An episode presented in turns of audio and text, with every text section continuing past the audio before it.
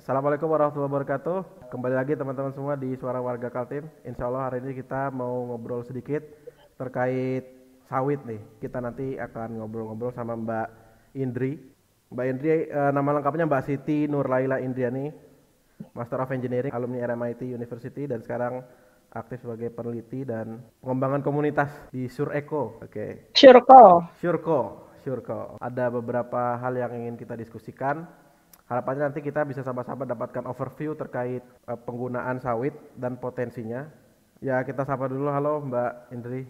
Ya, halo teman-teman semua. Terima kasih telah diberikan kesempatan untuk namanya apa? Suara warga Kaltim ya. Oke, jadi uh, bisa sharing, bisa kita diskusi sama suara warga Kaltim. Senang sekali. Uh, bisa ibaratnya kapan lagi nih kita bahas tentang wilayah kita gitu kan. Kita dari anak-anak daerah harusnya juga bisa menyuarakan untuk kemajuan daerah sendiri gitu. Kali ini temanya juga tema yang sangat menarik. Kita lagi ngelihat yang lagi hype banget ya tentang hutan Papua yang berubah menjadi sawit sekarang mungkin nggak banyak orang yang tahu gitu. Maksudnya kita setiap hari memakai sawit tapi nggak banyak orang yang tahu apa sih sawit dan apa sih hubungannya Indonesia dengan sawit atau bagaimana keadaan sawit di Indonesia gitu. Nah ini menarik. Nah mungkin saya disclaimer juga. Mungkin uh, nanti info-info ataupun misalnya um, apa yang saya ketahui mungkin tidak begitu dalam karena juga keterbatasan waktu dan juga mungkin ini materinya juga sangat luas kalau kita ngomongin sawit ya karena uh, nanti ada teman-teman dari teknik lingkungan bisa ngomongin AMDAL atau kalau saya mungkin dari sudut pandang energi atau misalnya nanti ada teman-teman dari sosial dan ekonomi gitu. Jadi mungkin uh, ini akan jadi overview dan semoga bisa ibaratnya sebagai trigger untuk menambah atau membuat teman-teman mencari info lebih lanjut. Baik, itu tadi teman-teman sedikit dari Mbak Hendri sebagai pembukanya. Mungkin kita langsung aja ke ke sesi pertama. Kita pengen tahu dulu nih overview dari sawit. Kenapa sawit itu bisa menghasilkan energi? Mungkin Mbak Hendri boleh dong Mbak diceritain sedikit bagaimana prosesnya kok bisa apa kelapa sawit itu kemudian menghasilkan energi dan uh, memiliki potensi yang besar itu bagaimana prosesnya? Mungkin bisa diberikan gambarannya, Mbak Hendri. Ya, mungkin sebelum kita ngomongin masalah potensi sawit, mungkin kita juga overview ya bagaimana keadaan sawit di Indonesia gitu. Uh, dari data di tahun 2018, tapi saya juga belum update di tahun 2020, tapi di tahun 2018 itu secara global gitu kan Indonesia itu atau Indonesia dan Malaysia itu berkontribusi 90% dari produksi sawit dunia atau global palm oil production Nah, terus dari 90% Indonesia dan Malaysia ini, uh, Indonesia itu 60 sampai 65% persen uh, memproduksi sawit uh, dari produksi dunia. Nah, jadi Malaysia itu sekitar 25 persen. Jadi bisa kita bayangkan ya, gimana sawit Indonesia, sawit di Indonesia itu huge, maksudnya bukan lagi banyak, tapi benar-benar sangat banyak.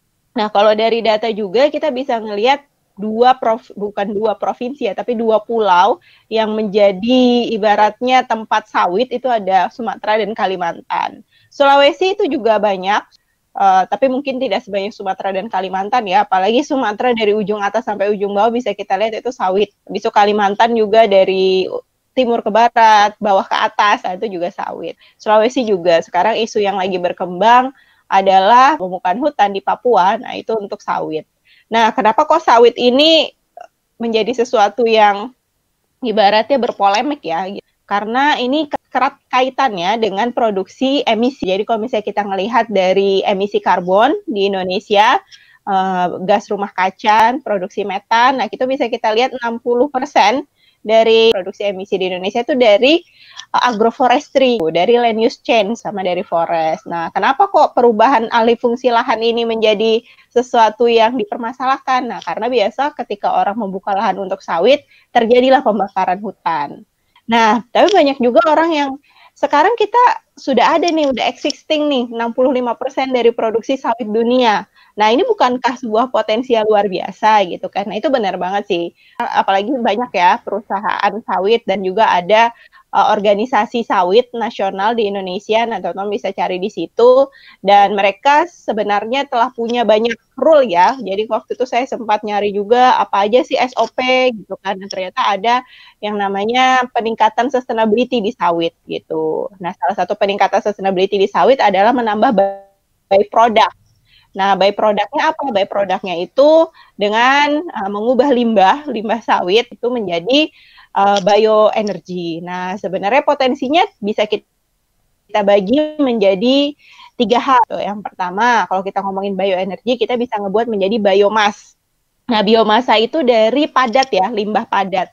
Nah, dari limbah padat itu dari cangkang kelapa sawit ini biasa kita sebutnya PKS palm kernel cell atau misalnya IFB. Nah, itu biasanya uh, bisa kita pakai untuk biomasa. Cuma untuk biomasa ini kalau di teman-teman kita lingkungan gitu kan atau di saya sendiri sebagai uh, bidang sustainability biasanya biomasa ini menjadi bisa berpolu menciptakan polusi udara kalau terjadinya burning atau pembakaran gitu. Nah, itu kita ngomongin biomasa. Biomasa itu fokusnya ke limbah padat.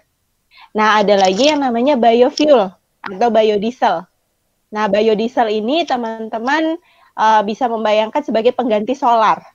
Solar itu bukan solar matahari ya, tapi solar bensin. Nah, ketika saya internship di Pertamina di tahun 2013, saya ingat sekali waktu itu ada peraturan 10% eh, bioenergi, biofuel itu dari jarak. Minyak jarak. Nah, kita tahu ketika kita dijajah, bangsa Indonesia dipaksa untuk menanam jarak. Nah, jarak itu dipakai untuk bahan energi perang. Nah, nah dari minyak jarak itu akhirnya 10% di ini ya dicampur. Nah, dari biofuel gitu kan atau dari sawit tadi, nah itu bisa menjadi biofuel atau teman-teman mungkin pernah dengar ya mengubah minyak jelantah menjadi biodiesel. Nah, kenapa kok minyak jelantah yang notabene-nya ini minyak sawit itu bisa jadi biodiesel? Kenapa kok minyak bumi itu menjadi bisa menghasilkan tenaga gitu kan? Karena rantai karbonnya panjang. Kenapa karbon itu menjadi bahan kimia yang stabil? Karena punya empat tangan kalau bahasa kita pas zaman SMA.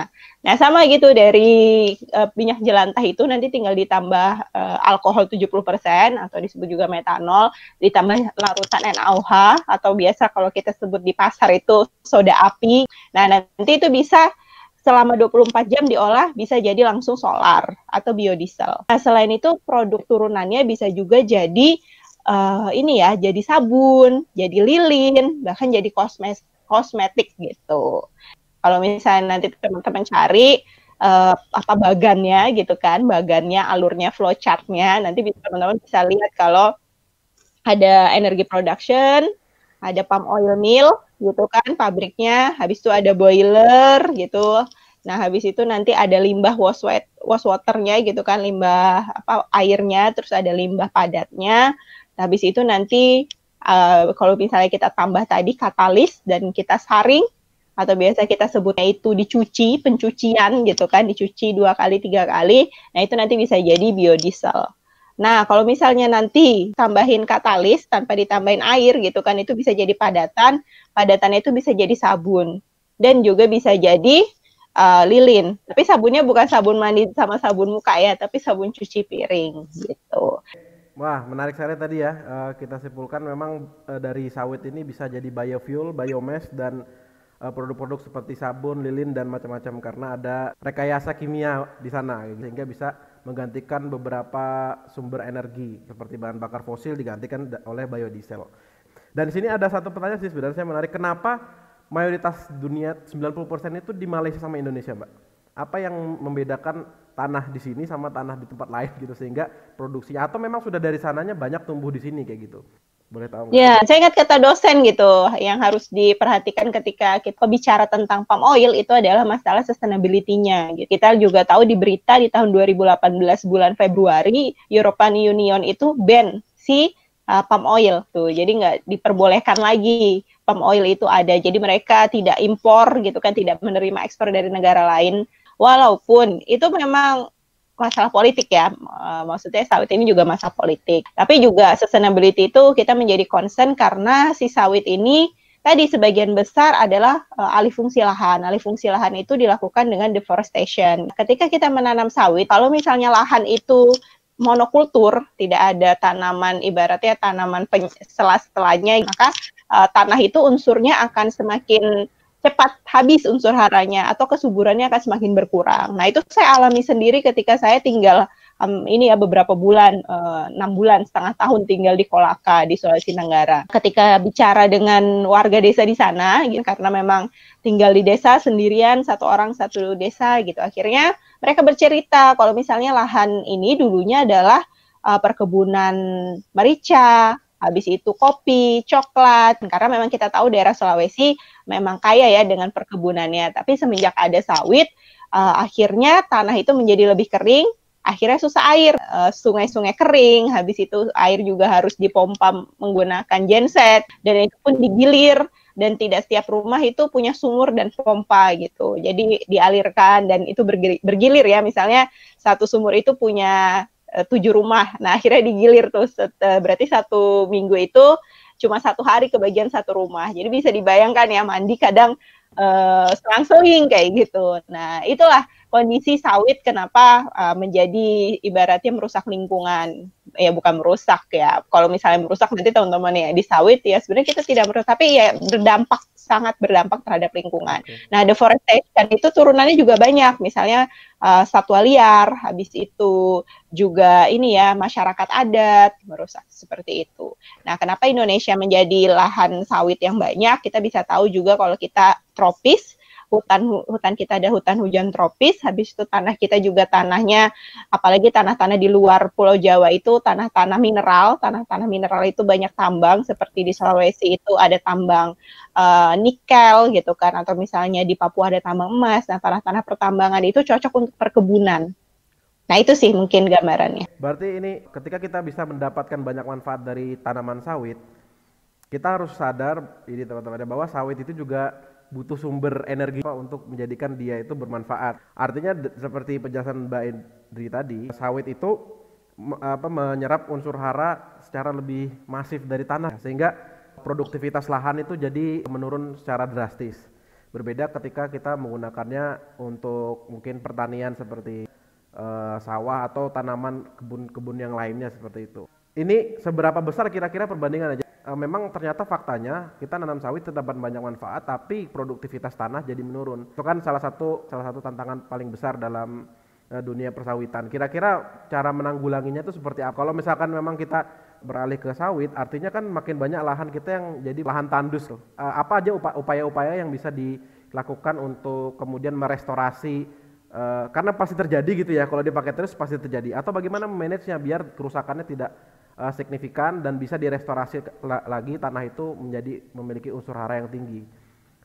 Oke, jadi kalau ngomongin sawit atau ngomongin batu bara, apalagi di Indonesia ya, jadi uh, saya terlepas dari uh, ibaratnya saya sebagai akademisi gitu kan, sebagai uh, belajar sains dan engineering gitu di bidang ini, mungkin saya melihat unsur sosial masyarakat dan juga kebijakan di Indonesia ya untuk sawit dan batu bara. Kenapa kok Indonesia nggak bisa lepas gitu? Padahal sumber energi itu banyak tidak tidak apa tidak hanya batu bara gitu kan, ataupun misalnya minyak pun nggak nggak hanya sawit gitu kita punya kelapa minyak kelapa jauh lebih sehat, jauh lebih sustain gitu kan. Habis itu kalau kemarin saya ketika tinggal di Australia itu dari bunga matahari, dari canola flower gitu kan. Jadi sebenarnya banyak alternatif minyak. Mungkin kita karena dari kecil yang kita lihat itu minyaknya dari kelapa sawit, kita cuma tahu minyak goreng itu kelapa sawit. Tapi banyak sekali minyak goreng itu. Dari canola, dari bunga matahari, ada minyak kelapa gitu kan, dari banyak lah jenis itu. Nah, kenapa kok kita kalau misalnya cuma untuk ini ya cuma untuk minyak goreng produksinya gitu kan ataupun misalnya untuk kosmetik ya, ataupun sabun dan lilin gitu kan kenapa kok tidak kita beralih gitu? Nah karena kita lihat lagi oligarki di Indonesia. Kalau ini bahasanya Greenpeace dan bahasanya Walhi ya uh, mereka bilangnya ya sistem oligarki di Indonesia itu masih mendukung masih mendukung batu bara dan sawit. Karena kita bisa lihat juga para pebisnis gitu kan yang menguasai bisnis-bisnis uh, korporasi dua dua sektor penting ini yaitu sektor batu bara dan sawit ini uh, dekat dengan pemerintah ya walaupun kita akan bilang ya pebisnis itu adalah pemerintah pemerintah adalah pebisnis. Maksudnya kita bisa lihat juga beberapa uh, beberapa ini ya beberapa orang yang menduduki sektor-sektor penting pemerintahan ternyata memiliki bisnis seperti ini. Mungkin teman-teman juga akrab dengan seksi killer gitu kan film seksi killer gitu. Nah dari sini bisa kita lihat kalau uh, ini ya kalau misalnya di sawit ini bukan hanya masalah engineering dan science, maksudnya kalau secara engineering dan science yang bisa kita lakukan adalah jangan sampai ada deforestation, jangan sampai ada ini alih fungsi lahan dengan uh, pembakaran hutan atau dengan merusak hutan. Karena kita tahu dengan adanya perusakan hutan bukan hanya masalah sosial yaitu hutan yang milik hutan ada, tapi juga mengancam hewan yang tinggal di hutan. Dan bukan hanya mengancam hewan yang tinggal di hutan saja gitu, tapi juga akan um, membuat hutan itu menyimpan karbon atau hutan itu sebagai carbon storage. Dengan adanya alih fungsi lahan atau pembakaran hutan, maka kita akan melepas emisi ke udara. Dengan adanya tadi usaha-usaha ini ya, eh, misalnya dari limbah sawit itu dibuat biomas, habis itu biofuel. Tadi saya juga kelewatan ya, saya lupa menjelaskan tentang biogas. Intinya kalau biogas itu adalah dari limbah industri, bukan limbah industri ya, limbah perkebunan sawit ini, habis itu nanti dijadikan dalam reaktor, nama reaktornya anaerob gitu, kalau biogas kan tanpa oksigen, uh, nanti bisa ditambahkan starter bakteri supaya mempercepat, nah habis itu nanti produksinya ada dua, ada gas, ada biosluri. Nah gas ini bisa dipakai langsung untuk memasak atau bisa untuk membangkitkan listrik. Nah, dengan adanya tadi siklus seperti itu, nah itu akan semakin carbon capture gitu kan. Tadinya yang uh, alih fungsi lahan itu merusak hutan, habis itu dengan adanya kegiatan itu carbon capture kan atau mengurangi emisi gitu. Cuma ya tadi dampak-dampak seperti merusak uh, ini ya binatang atau satwa liar, habis itu menyebabkan erosi pada pada tanah, habis itu menyebabkan polusi pada air. Nah itu nggak bisa kita hilangkan gitu, atau misalnya tidak bisa kita tanggulangi dengan adanya tadi pembakaran hutan gitu. Apalagi secara eksploitasi yang sangat luar biasa ya kalau misalnya teman-teman juga mengikuti berita. Mungkin teman-teman tahu daerah Bovendigul. Nah, ini juga muncul di sejarah ya Soekarno saat dibuang itu dibuangnya ke Bovendigul gitu. Nah, dengan adanya Bovendigul itu dalam bayangan kita selama ini adalah hutan. Tapi ternyata dalam lima tahun terakhir sekarang sudah jadi sawit semua gitu. Jadi intinya dalam kita mengelola lingkungan itu jangan terjadi eksploitasi secara berlebihan. Terus yang kedua, jangan ada deforestation atau pembakaran hutan atau alih fungsi lahan gitu. Terus yang ketiga, eh, kita tidak bisa bergantung pada satu sumber Kenapa kok akhirnya diversifikasi pangan itu bisa meningkatkan food security atau ketahanan pangan? Karena di Indonesia di, sebenarnya kita diversifikasi gitu kan. Ada yang makan sagu, ada yang makan singkong, ada yang makan nasi.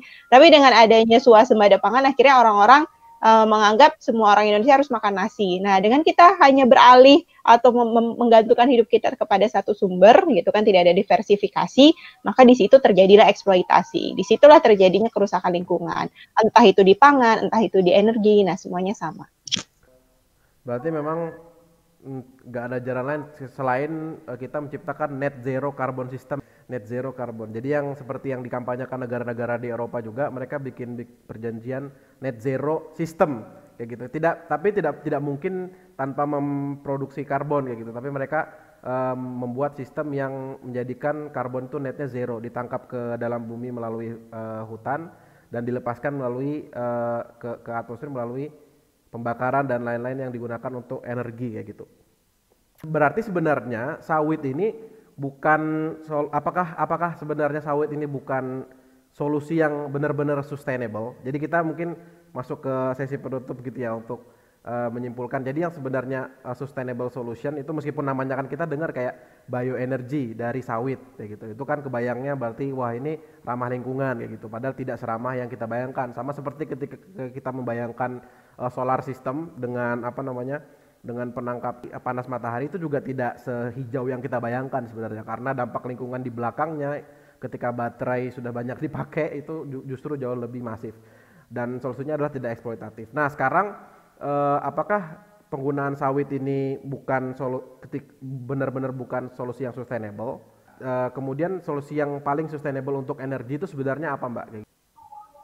Iya, kalau ngomongin renewable energy options, bener banget ya, renewable energy options itu setiap uh, opsi energi terbarukan itu ada plus dan minusnya, ada advantages, ada disadvantagesnya. Misalnya tentang tadi solar apa solar panel. Nah menarik tadi, soalnya banyak orang yang ibaratnya sekarang lagi hype banget ya solar iya. panel. Orang-orang nggak ibaratnya nggak menyangka kalau misalnya solar panel itu ternyata ada dampak lingkungan.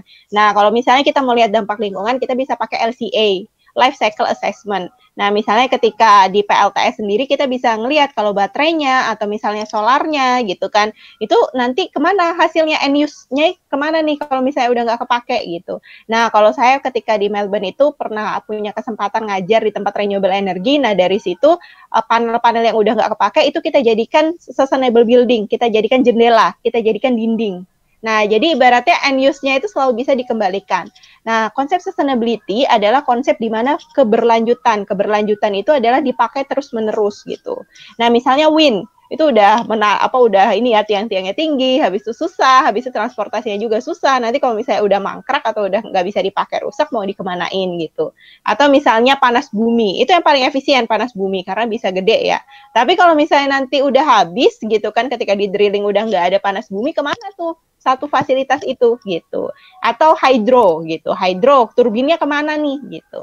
Nah kalau misalnya uh, kalau dari ini ya ini sebenarnya datanya juga belum ada. Tapi kalau misalnya dari ngelihat pembahasan-pembahasan renewable energy options bisa kita lihat kalau bioenergi bioenergi ini adalah yang paling sedikit dampaknya apalagi kalau misalnya dia tanpa pem, pembuatan kayak ini ya, kayak pembuatan kalau fixed dome itu kan ada semen gitu. Tapi kan sekarang sudah ada bioenergi atau misalnya biogas yang skala rumah tangga yang itu dia memakai bahan-bahan ibaratnya waste ya, kayak toren.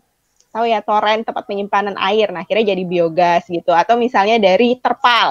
Nah, terpal nggak kepake akhirnya jadi biogas kayak gitu. Nah, terus dari waste. Waste-nya itu apa? Waste-nya itu bisa dari kotoran manusia, kotoran hewan, atau dari food waste. Nah, food waste ini juga bab yang sangat menarik kalau misalnya mau dikulik gitu. Karena ternyata orang-orang selama ini cuma berfokus kepada sampah anorganik. Kenapa sampah anorganik itu di apa diolah gitu kan? Karena bank sampah itu nanti bisa dapat uang secara cepat dengan adanya pengepul gitu. Kita bisa tahu kayak beberapa tempat kayak di Surabaya itu menjadi tempat di mana uh, sampah anorganik itu diolah gitu. Nah, sampah organik ini belum banyak diolah. Padahal kalau dari data di Bantar Gebang sendiri 60% itu sampah organik. Jadi kita bisa ngelihat kalau bioenergi ini yang dia paling minim dampak lingkungan dengan catatan tidak adanya pembangunan fisik gitu. Nah, kita juga tahu kalau ada sekarang yang lagi hype gitu kan, itu ada hidrogen. Nah, hidrogen itu juga sesuatu yang ibaratnya sangat ini ya murah sekali. Nah, cuma alatnya nggak murah. Kita juga uh, saya belajar hidrogen itu kalau misalnya kita untuk menyimpan hidrogen itu energi itu harus punya tempat yang besar. Satu kulkas itu cuma bisa dipakai misalnya untuk berapa jam. Nah, kalau misalnya kita nanti pengen buat, misalnya dia bisa dipakai tujuh hari, itu harus segede kontainer truk gitu tempat penyimpanannya. Nah, itu menjadi catatan juga. Seperti biogas catatannya juga belum ditemukan atau belum adanya tabung. Jadi kalau misalnya orang bilang, wah nggak praktis nih gitu. Kalau misalnya pakai gas LPG lebih praktis gitu. Nah, jadi ada plus dan minusnya gitu. Jadi konsepnya adalah sustainability. Sustainability itu adalah di mana itu bisa terus dipakai. Kita harus memastikan end use-nya itu tidak terbuang percuma, tidak ke landfill. Karena kita tahu ketika ke landfill berarti akan merusak lingkungan gitu. Uh, mungkin satu lagi Pak ya yang terakhir sebagai uh, pertanyaan penutup. Kita sama-sama tahu Indonesia ini punya sumber daya alam yang sangat luar biasa banyaknya gitu ya dan uh, dan masih menyimpan cadangan yang sangat-sangat besar di mana sekarang beberapa negara sudah mulai mengkampanyekan untuk net zero carbon system gitu ya. Beberapa negara sudah bikin target 2050, 2030 kayak gitu di Eropa.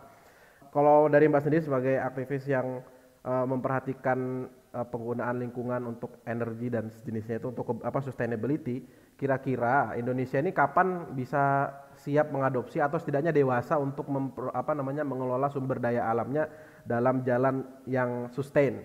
Kapan Indonesia sudah bisa full dengan bioenergi atau mungkin bagaimana roadmap dari pemerintah sendiri? Mungkin Mbak ada gambaran sebagai uh, penutup Iya, kalau misalnya kita ngomongin masalah bauran energi, kita ngelihatnya di 2023 gitu. Uh, ini ya rencana umum energi nasional (RUEN) gitu di tahun 2023 itu ada dua targetan. Yang pertama targetan persentase yaitu bauran energi 23% dan targetan volume atau kapasitas yaitu 45.000 megawatt. Nah, sekarang posisinya di tahun 2019 Indonesia itu baru 9,13 persen atau 9,14 persen sekitaran itu. Berarti dari 9,14 ke 23 itu kan panjang ya. Tapi dari kebijakan pemerintah terus dari PLN mereka ada namanya ini ya green booster gitu. Gimana cara mempercepat dalam lima tahun bisa 23 persen. Nah itu masih mungkin tercapai dari berbagai analisis gitu kan. Nah tapi masalahnya yang tidak mungkin tercapai tadi targetan volume atau kapasitas di mana 45 ribu megawatt atau 45 gigawatt. Nah 45 gigawatt itu ada 75 persen dari pembangkit kita tahu sendiri ya PLTU juga masih banyak gitu. Habis itu bahkan uh, mau ada pembangunan ya, pembangunan Jawa Bali itu satu PLTU baru. Padahal kita tahu kalau kita memasang PLTU berarti kita nggak bisa shifting selama 20 tahun. Karena itu ya uh, life cycle-nya atau misalnya lifetime-nya dari PLTU itu 20 tahun, 15 sampai 20 tahun gitu. Nah, habis itu kalau misalnya kita ngomongin masalah Paris Agreement gitu kan bagaimana pengurangan karbon, kita ngomongin 2030 Nah, kalau tadi 23% itu tadi Ruen, nah di 2030 itu kita juga punya gitu targetan dari Paris Agreement gitu. Mungkin kalau di Amerika sekarang lagi hype itu Joe Biden akhirnya kembali untuk yeah. menyetujui Paris Agreement gitu kan. Tapi di Indonesia di Indonesia sebenarnya uh, ini ya tidak ada ibarat tidak ada usaha yang benar-benar signifikan yang ibaratnya wah ini monumental kita akan benar-benar shifting menjadi zero carbon walaupun di semua sektor itu ada misalnya di sustainable agriculture itu ada Terus juga di Bapenas itu ada LCDI kan, Low Carbon Development gitu institut gitu. Di situ juga ada. Nah, terus juga ada dari renewable energy juga gitu. Tapi kita bisa ngelihat di 2030 ini targetannya juga masih masih kurang ya kalau misalnya kita ngomongin emisi karena juga pabrik-pabrik gitu kan. Ibaratnya yang skala industri besar ini belum shifting gitu. Nah, terus ada juga target di 2050 gitu. Cuma target di 2050 kita belum zero. Maksudnya seperti China ya. China sekarang bahkan udah ini ya, udah nggak call lagi gitu kan. Nah, jadi ada sesuatu yang benar-benar luar biasa yang harus kita lakukan kalau di Indonesia pengen cepat nih gitu. Tapi kalau misalnya dari hitam di atas putihnya memang sudah ada targetan-targetan seperti itu. Oke, terima kasih Mbak Indri atas insight-nya sangat menarik gitu ya. Secara titik-titik kecil Indonesia mungkin sudah beberapa berusaha gitu. Namun gotong royongnya belum tersimpul secara masif. Ya, ya ini tugas kita bareng-bareng sama teman-teman semua untuk uh, mengawal ini semua agar kita ini sebagai negara yang kaya dengan sumber daya alam setidaknya bisa punya peran. Karena mau nggak mau secara kapasitas geografis dan lingkungan kita kita bisa sebenarnya ya menjadi contoh dan memimpin dunia dalam uh, apa namanya menghijaukan kembali bumi sebenarnya bisa gitu. Nah ini semangat yang harus kita tanamkan dari sekarang, setidaknya bisa kita sebarkan ke teman-teman kita dan sedikit demi sedikit kita bangun gotong royong yang masif secara nasional untuk menghadapi masa baru dari penggunaan energi dan lingkungan di bumi di masa datang. Mungkin itu untuk podcast apa eh, diskusi pada sore hari ini. Terima kasih banyak Mbak Indri atas waktu yang sudah diluangkan. Semoga bermanfaat buat kita semua dan sampai jumpa lagi buat teman-teman semua di suara warga Katim selanjutnya. Dari saya cukup sekian. Assalamualaikum warahmatullahi wabarakatuh.